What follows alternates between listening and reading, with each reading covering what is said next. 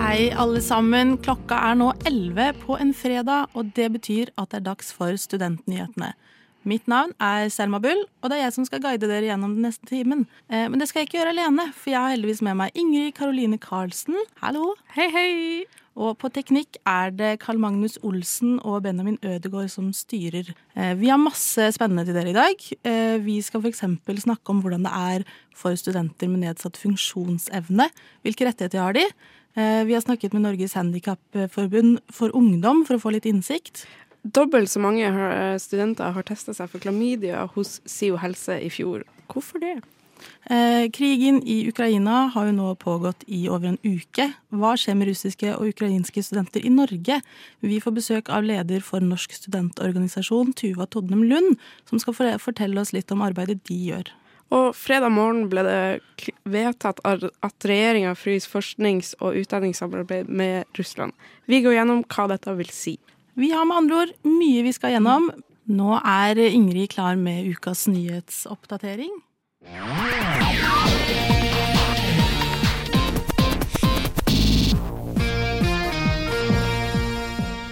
Ja, og dette er ukets nyhetsoppdatering. Eh, Denne uka kom det fram at arbeide- arbeids- og inkluderingsminister Hadia Tajik går av som statsråd som følge av avsløringer om hennes pendlerbolig for 15 år siden. Hun vil fortsette som nestleder i Arbeiderpartiet. Eh, Mikael Gentil uh, er professor ved Institutt for sosiologi og samfunnsgeografi ved UiO.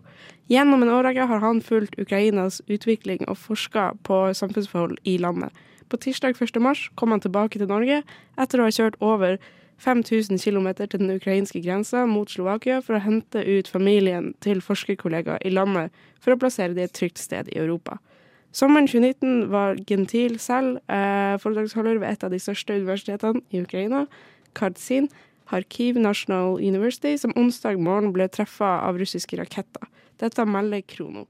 På et ekstraordinært styremøte mandag ettermiddag i Tromsø beslutta et enstemmig i UiT-styret å frata den russiske utenriksminister Sergej Lavkrov sitt æresdoktorat på universitetet. Eh, UiT tar avstand fra den russiske innovasjonen og omtaler det som et brudd på folkeretten og- et uprovosert angrep på en selvstendig demokratisk stat.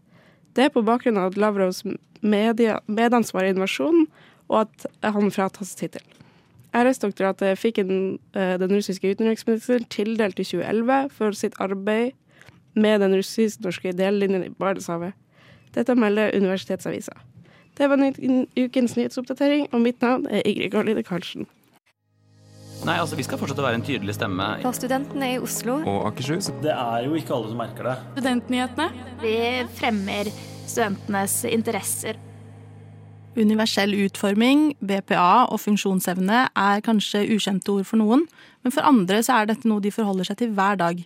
Eh, Hvordan er det å studere med nedsatt fysisk, fysisk funksjonsevne? Vi i Studentnyhetene har snakket med Marianne Knutsen i Norges Handikapforbund Ungdom og Marte Sandvik, tidligere student og kontaktperson i Cerebral Pareseforeningen, om nettopp dette. Vi i Studentnyhetene har snakket med Marianne Knutsen og Marte Sandvik for å høre hvordan det er å studere for personer som har nedsatt funksjonsevne.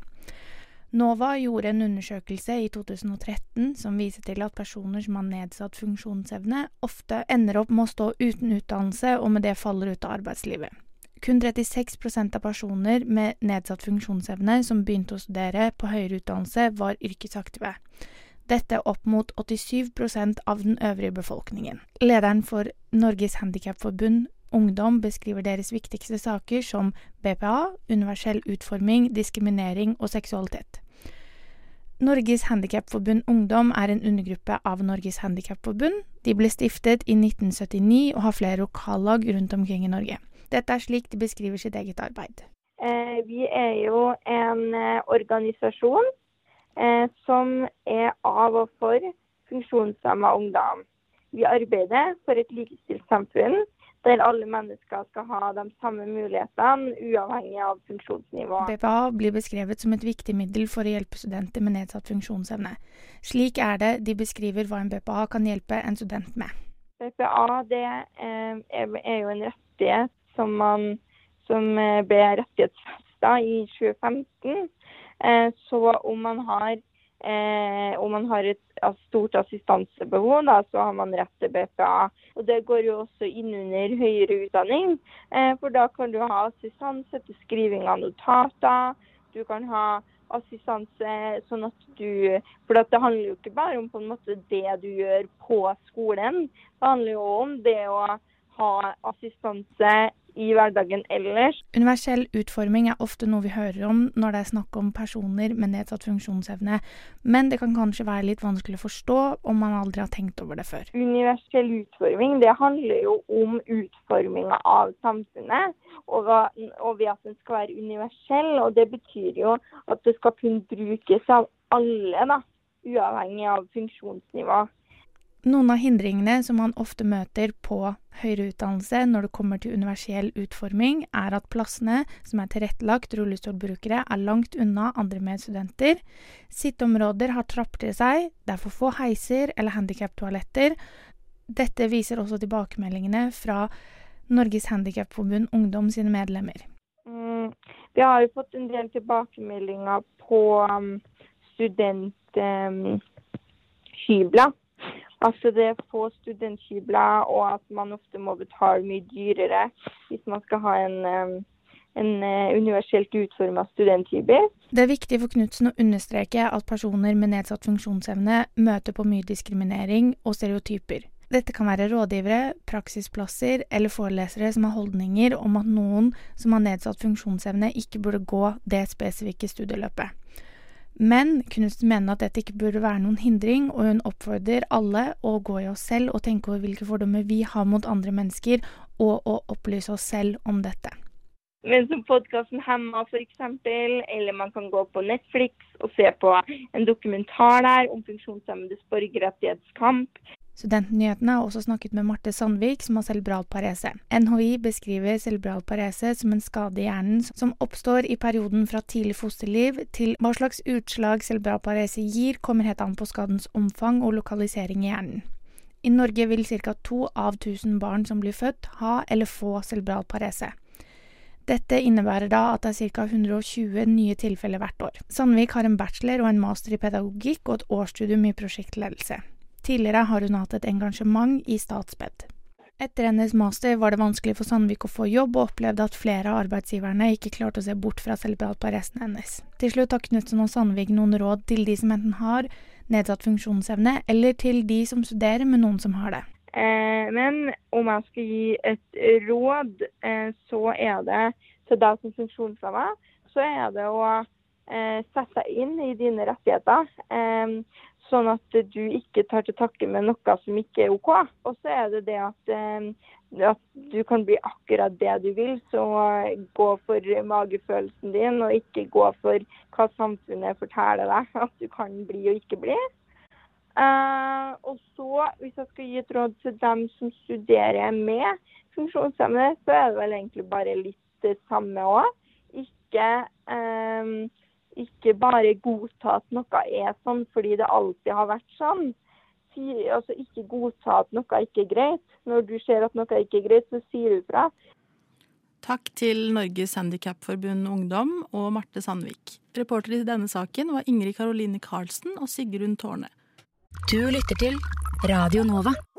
Eh, dobbelt så mange har testa seg for klamydia hos SIO helse i 2021 sammenlignet med tidligere år. Våre reportere har snakka med studenter og lege om hva det kan skyldes. Det er gjenåpningsvår, og Oslo by våkner til live i rasende fart.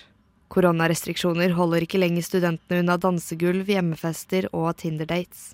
Dessverre er det ikke helt risikofritt. Under pandemien er vi blitt noen kløppere på antibac og munnbind, men smittevern mot kjønnssykdommer er vi kanskje dårligere på, i hvert fall hvis vi skal tro de nye tallene fra SIO helse. Tallene fra 2021 viser en dobling i studentenes klamydiatesting i fjor sammenlignet med de fem årene før. Samtidig så har positive tester forholdt seg relativt stabilt. Vi dro opp på Blindern og spurte studentene om hva de tror om økningen. Altså, den gøye tolkningen av det er bare at folk ligger sykt mye mer etter gjenåpningen enn de gjorde før, og derfor tenker jeg at nå må de ut og teste seg. Eh, jeg håper at det er det, at alle bare går rundt og får seg noe hele tiden og har det dritbra. Jeg tror ikke folk på ligger så veldig mye mer rundt enn de gjorde før, kanskje.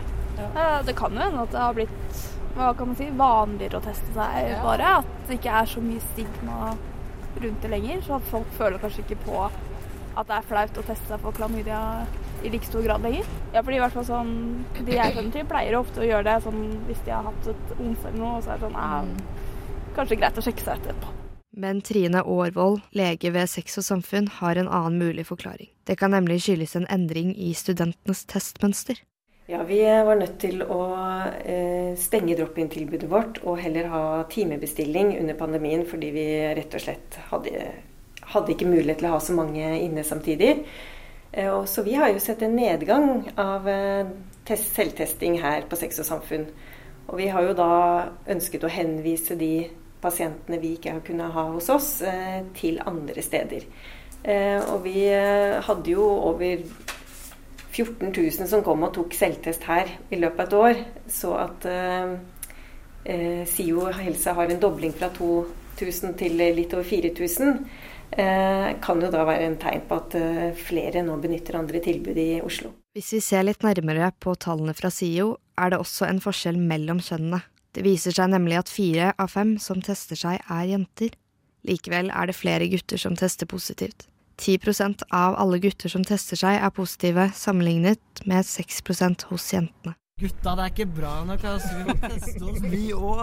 Nei, jeg har ikke noen idé om hvorfor det er sånn. Eh, jeg har ikke testet meg hos fastlegen min, så jeg, vi kan jo håpe at det er det. At alle kunne bare er mye flinkere til å ha fastlegestudent på UNISIN. Ikke sant? At det egentlig er de som er flinkest, men jeg tror ikke det er det. Jeg tror jenter legger merke til det fortere.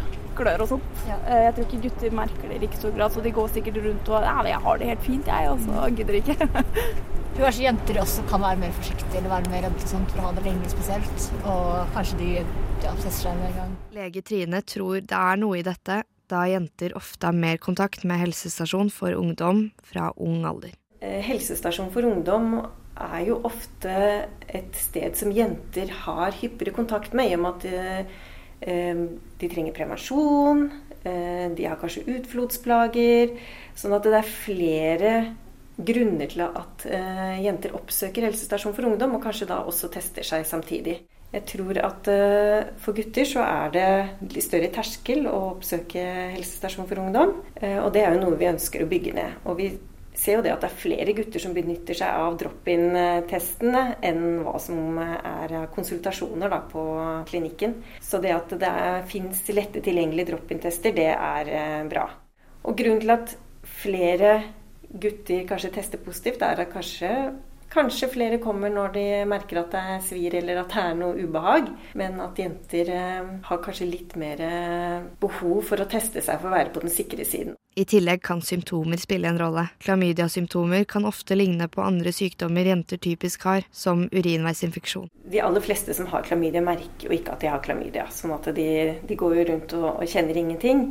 Men i, symptomene for kvinner er ofte litt mer diffuse. Det kan være blødninger, det kan være utflodsplager, kløe, svi når de tisser. Og dette er plager som eh, mange kvinner også har, selv om de ikke har klamydia. Mens for gutter derimot, så er det sånn at er du ung gutt og det svir når du tisser, da er det veldig sjelden urinveisinfeksjon.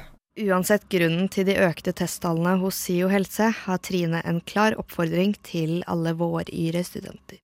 Eh, Jeg skulle selvfølgelig ønske at flere brukte kondom. Eh, Det er jo eh, ikke bare en sikkerhet for seg selv, men også en sikkerhet for andre. Og så er det jo også det at veldig mange får klamydia med å bruke antibiotika.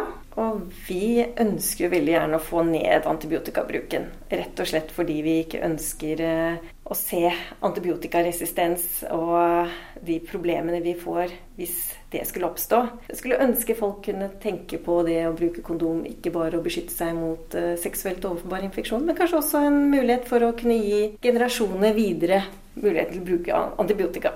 Takk til Trine Aarvold fra Sex og Samfunn og studentene på Blindern. Reporterne i denne saken var Sheila Ansari og Torunn Festøy. What? Radio Nova. Vi har nå fått besøk av leder for Norsk studentorganisasjon, Tuva Todnem Lund. Hei, Tuva. Hei, veldig hyggelig å være her. Er hyggelig å ha deg her. Eh, situasjonen som er i Ukraina nå, påvirker jo også studenter her hjemme i Norge, eh, og ikke minst norske studenter som er på utveksling. Så jeg lurer jo egentlig på hvordan forholder NSO seg til krigen som er i Ukraina nå?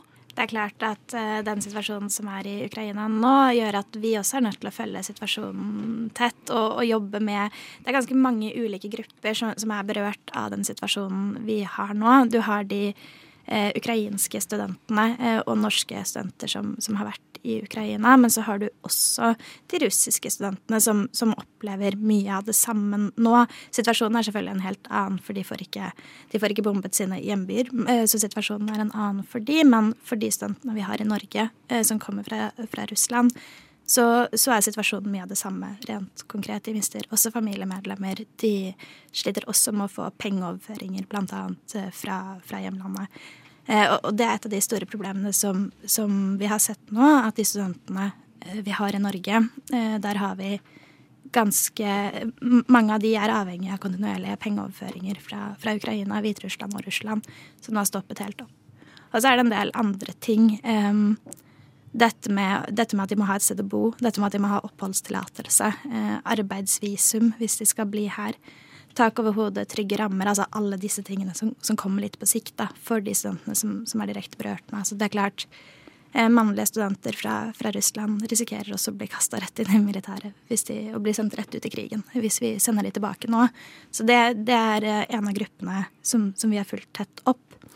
Og Der har vi jobba med utdanningsinstitusjonene eh, for at de skal kunne samle studentene som, som er berørt, for at de skal få oppfølging, altså bl.a. psykologhjelp og, og, alle disse tingene, og at de skal bli møtt. da. Litt ulikt hvilke, hvilke behov gruppene med studenter har forskjellige steder. Hva slags organisasjoner er det dere er i kontakt med utenom utdanningsinstitusjonene? Vi, har, eh, vi er både i kontakt med departementet, med Kunnskapsdepartementet, og i dialog med de. Vi var på et møte med de om, om situasjonen i går. Og så er vi i kontakt med eh, studentdemokratiene i både Ukraina og Russland, også gjennom det internasjonale ISU, som er det internasjonale studentorganisasjonen. Der er vi i kontakt også med, med de som er berørt direkte lokalt. Um, og ifølge Kunnskapsdepartementet så skal det ikke være noen norske studenter som er i Ukraina nå. Uh, men hvis jeg har forstått riktig, så er det noen i Russland. Har dere vært i kontakt med disse? Vi har en samarbeidsorganisasjon eh, som heter ANSA, som organiserer norske studenter som er på utveksling. Eh, det er i hovedsak de som er i kontakt med studentene som, som er på utveksling i, i Russland eh, og områdene rundt også, for så vidt. Så det er i hovedsak de som, de som tar den biten, og så vi, er vi i dialog med de. Og det som har vært viktig der, er selvfølgelig å sørge for at de som ønsker å komme tilbake til Norge, får mulighet til å komme tilbake til Norge, og at de også har et apparat rundt seg, at de også blir sett for, for situasjonen de er i, da. At de får det de trenger. Eh, hva slags utfordringer er det de møter på rent konkret? De studentene som er på utveksling. Jeg kjenner ikke, jeg har som sagt ikke vært i kontakt direkte med de.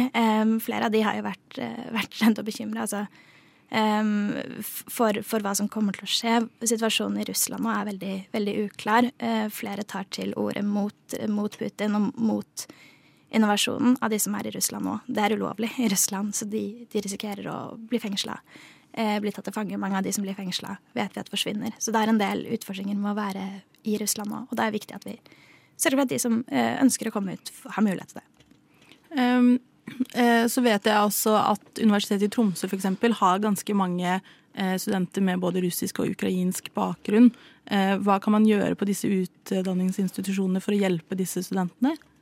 Jeg tror det er viktig at vi, at vi snakker om det, og det er også det de, de, ukrainske studentene forteller oss. At vi kan ikke være stille, vi kan ikke sitte og se dette skje og på en måte fortsette vår hverdag som det ikke skjedde. De setter veldig pris på demonstrasjoner, samlinger, alle disse tingene. Og så er studentene eh, både fra, fra, Russland og fra Ukraina opptatt av humanitær bistand eh, til de som er ramma direkte. Eh, mange, av har, mange av de har familie, mange av de har venner som, som er i helt akutte situasjoner og har behov for liggeunderlag, tannbørste, altså alle disse tingene. Og de er veldig opptatt av at det skal bli sendt penger, og at de skal få, de skal få hjelp, de som trenger det. Og så er det klart at det å sørge for at de får At vi ikke sender de tilbake til krigsramma områder, og at de har, at de har mulighet til å fortsette utdanninga si, og at de har mulighet til å fortsette å være i Norge, eh, er viktig. Eh, og så skriver dere på deres nettsider at et av deres viktigste prinsipper av eh, kunnskap og utdanning, eh, at kunnskap og utdanning skal være tilgjengelig for alle. Hvordan fungerer det i en situasjon som vi er i nå? Det er viktig for oss at de som, de som er på flukt, blir altså først og fremst liv og, liv og helse. At man blir ivaretatt og får den medisinske hjelpen man trenger. Men også at akademikere som flykter, altså professorer, de som, de som har undervist i Ukraina og, og, i Russland, har mulighet til å fortsette utdanningen sin eller komme raskt inn i jobb. Eh, og, og, det er en av de tingene vi også er i dialog med, med departementet om nå. Eh, hvordan skal vi sørge for at eh, dersom det kommer en stor flyktningstrøm til Norge, hvordan skal vi få de som har vært studenter, raskest mulig inn i studiehverdagen og en normale rammer da, rundt hverdagen? Eh, hvordan skal vi komme tilbake dit? Eh, dere samarbeider jo også med studentene og akademikernes eh, internasjonale hjelpefond. De har jo f.eks. Eh, Scholars at Risk eller, og Students at Risk. Eh, hvordan kan de, disse ordningene bidra til situasjonen vi er i nå? De ordningene er veldig veldig viktige. Eh, de sørger for at studenter ikke, eller, og elever som ikke har mulighet til å fullføre utdanningene sine pga. Altså politisk engasjement, får komme til Norge og ha mulighet til å, til å fullføre utdanninga si. Men så er det lite de ordningene kan gjøre for den akutte situasjonen vi er i nå, dessverre. Eh, ordningene har opptak én gang i året, eh, og ordningene tar opp altfor, altfor få. Så her er det viktig at vi snakker om viktigheten av denne type ordninger. altså nå er det krig i Ukraina. Eh, vi har hatt og sett mange kriger og mange, mange opprør de siste årene. Så det er viktig at vi, at vi, tar imot flest mulig av de som har behov for å, for å komme til Norge for å fullføre utdanningene sine. Så kjempeviktig tiltak, og dessverre gjør det ikke noe for situasjonen vi er i nå. Um, og Tidlig i dag så ble det jo publisert en pressemelding fra regjeringen uh, hvor det kommer frem bl.a. at regjeringen velger å fryse forsknings- og ut, uh, utdanningssamarbeid med Russland. Um, har du noen tanker om hvordan det kan påvirke studenter? Her er det to, to argumenter som, eh, som, veier tungt for min del. Eh, det ene er sanksjonene Norge setter inn mot Russland. Eh, hva, på hvilken måte kan vi helt tydelig vise at dette tar vi avstand fra? Vi kan ikke samarbeide med et land som, som utfører denne type handlinger. Og det andre er at ganske mange akademikerne i Russland har skrevet under på et opprop mot Putin og mot innovasjonen. Eh, som, som, sagt så er det ulovlig å gjøre i Russland. De risikerer å bli fengsla. Og mange vil se på akademikere i Russland som våre, som våre allierte og som våre medsammensvorne, og som et veldig viktig verktøy for å fortsette å, for å bygge opp demokratiet igjen i Russland også. Så her er det to sider. Det ene er, som SIH bl.a. har tatt til orde for, er å, er å samarbeide med, eh, med forskere som, som, jobber med demokrati og som jobber med samfunnsutvikling. Og det andre, andre handler om sanksjoner mot eh, Russland direkte. Og så er det viktig også et poeng her at eh, samarbeidet er satt på pause. Det er ikke stoppa. Eh, så det betyr at de avtalene som har vært, kan, kan gjenopptas. Um, og hvis jeg har forstått det riktig, så er vel NSO en uh, partipolitisk uavhengig uh, organisasjon. Um, hvordan kan det bli problematisk at man tar så sterkt avstand uh, fra et land i en sånn situasjon som det er her? Det er viktig for meg å si at dette er ikke Altså, vi har vært helt enige i at dette skal revurderes, og at man må se på samarbeidet. Eh, og bortsett fra det så har vi veldig lite sterke, sterke meninger om situasjonen. Eh, vi mener at studentene i Norge skal ivaretas eh, som en Og det er alle partiene og hele, hele fløyen av partipolitiske meninger helt enig i. Og så skal det opp en resolusjon på sentralstyremøtet i helgen nå, etterpå i dag, som kommer til å fortelle noe om hvor, hvor, vi stiller oss. Og det er klart at dette med internasjonal solidaritet og like muligheter til utdanning eh, er viktige prinsipper for oss. Så, eh, men her har vi ikke landa helt konkret hva vi mener, verken om sanksjonene eller om andre ting. Hvordan foregår arbeidet i NSO når det skjer noe så på en måte akutt? Eh, hvordan helomvender dere dere for å, for å kunne hjelpe? Eh, her er det flere ting som er viktig. Altså, vi har bl.a. dette samarbeidet med SIH, samarbeidet med ANSA. Eh, tidlig at vi må komme på banen for å kartlegge behovene, eh, snakke med de hva som gjelder. Og så har vi, vi er en paraplyorganisasjon med 32 medlemslag. Veldig stor forskjell på hvordan medlemslagene våre direkte er berørt. Noen har mange studenter fra Ukraina, noen har mange russiske studenter. Noen har ganske mange fra begge gruppene, og noen har ingen. Så her samla vi også ganske tidlig medlemslagene våre og spurte hvordan det påvirker deres institusjoner. Og så samarbeider vi tett med rektorene. Eh, de hadde vi møte med allerede på fredag første gang for å, for å snakke om situasjonen og hvordan, hvordan utdanningsinstitusjonene blir prega av situasjonen. Og det er klart at måten utdanningsinstitusjonen blir prega av situasjonen på, har også mye å si for tilbudet studentene får. Tusen takk for at du ville komme i dag. Eh, veldig fint og informativt. Studentpolitikk det har ikke vært en hovedprioritet. Så jeg er veldig glad for at dere er opptatt av det her. Tusen takk for at du har hørt på Studentnyhetene. Som jeg nevnte i stad, så ble det publisert en pressemelding tidligere i dag fra regjeringen, hvor det bl.a. kommer frem at regjeringen fryser forsknings- og uh, utdanningssamarbeid med Russland. Uh, forsknings- og høyere utdanningsminister Ola Borten Moe legger til grunn at ansvaret for situasjonen uh, vi er i Europa nå, ligger hos russiske styresmakter. Han mener at dette også må få konsekvenser for forskning og utdanning. De, de, suspenderer all dialog med russiske myndigheter, og som hovedregel så skal alle institusjonsavtaler mellom norske og russiske forsknings- og utdanningsinstitusjoner legges på is.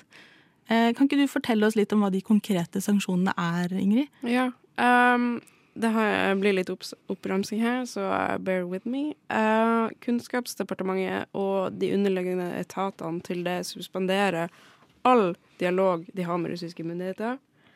Forskningsrådets fellesutlysning med Russland stoppes. Også den norsk-russiske utdanningsavtalen blir uh, suspendert. Den uh, ferdigforhandlede forskningsavtalen med Russland legges på is. Uh, og som hovedregel skal alle avtaler mellom norske og russiske institusjoner legges på is. Institusjonene kan velge å opprettholde avtaler, uh, men det skal gjøres på et grundig vurdering uh, i hvert enkelt tilfelle. Eventuelle avtaler og samarbeid innenfor atomberedskap og fiskeri og ressursforvaltning skal inntil videre fortsette som før. Det er samtidig ønskelig at forskere kan fortsette å ha kontakt med hverandre over landegrensene. Så eh, altså såkalt eh, forsker-til-forsker-samarbeid. Og Norge vil uh, også vurdere om det er behov for å stramme ytterligere i, inn liksom, i de her konkrete sanksjonene. Uh, følge diskusjonene i, i Brussel om konvensjoner for russisk deltakelse i Erasmus pluss Horisont Europa. Uh, så regjeringen jobber altså nå med å hjelpe både ukrainske og russiske studenter i Norge. Uh, og Justisdepartementet har allerede avklart at alle ukrainske studenter som er i landet nå, altså i Norge, er inntil videre fritatt fra returplikten dersom oppholdstillatelsen, oppholdstillatelsen deres er i ferd med å gå ut. Eh, og det er jo en veldig viktig ting, eh, mm. sånn at man ikke sender stakkars studenter til, rett inn i, i krigen. Og det er ifølge Borten Moe viktig at vi skal ivareta disse studentene, både ukrainske og russiske, på best mulig vis. Mm. For det er jo ikke de som har noe ansvar for hva som foregår eller hva Russland har startet nå. Det var alt vi hadde om det. Det kommer nok til å bli oppdatert eh, litt etter hvert. Eh, vi nærmer oss dessverre slutten på Studentnyhetene for i dag. Eh, og det betyr at det straks er helg. Er det noe gøy man kan gjøre i helgen her i Oslo, Ingrid? Ja, for jeg har samla opp to tips til hva man kan gjøre. På Vika scene i Oslo så går det en film, internasjonal dokumentarfilmfestival som heter Human. Uh, og den har gått hele denne uka, og den skal fortsette inn i helga. Så det er en uh, ting man anbefaler å sjekke ut hvis man er glad i dokumentarer og ting som skjer i verden. Uh, det er også humorfestival på Salt denne helga, og der skal det blant annet være standup, impro og en sånn bisarr musikkbingo, har jeg hørt, liksom. Um, det var det jeg hadde Ja, det var det jeg hadde hørt. Hva, hva skal du gjøre i helgen? Jeg har en avtale i dag om å pilse med venninna. Eh, jeg skal sjekke ut den filmfestivalen, for jeg er veldig sånn filmfrelst og eh, samfunnsengasjert og interessert. Eh, og så skal jeg også ut i finværet og gå litt tur her i Oslo. Man må nyte det mens man kan. Ja, det er klart man må det. Vet du, vet du hvilke filmer du har lyst til å se? Har du sjekka ut programmet? Nei, men når det er filmfestival, så blir jeg veldig sånn Jeg skal bare gå uh, og få det med meg. Uh, åpen, åpen for alt? Ja. Uh, jeg kommer sikkert til å komme med en oppdatering. Uh, det må du. Etter hvert. Helt sikkert. Uh, jeg har fått besøk av mine foreldre. Ja, De har tatt den lange turen med bil fra Stavanger sammen med hunden vår. Så jeg skal sikkert gå masse tur. og jeg skal også jobbe. Det er jo Kanskje ikke alltid like gøy, men det må gjøres. Tjene litt penger. Tjene litt penger. Det var alt vi hadde for i dag. Takk for at du hørte på Studentnyhetene. Eh, Og du må gjerne høre oss på podkast og følge oss på sosiale medier. Der heter vi Studentnyhetene. Mitt navn er eh, Selma, og med meg i studio er Ingrid. Teknikere i dag har vært Benjamin Ødegård og Lars Magnus. Carl Magnus Olsen. Takk, takk, takk, takk, takk. Beklager. Jeg var nærme, da. Jeg var nærme.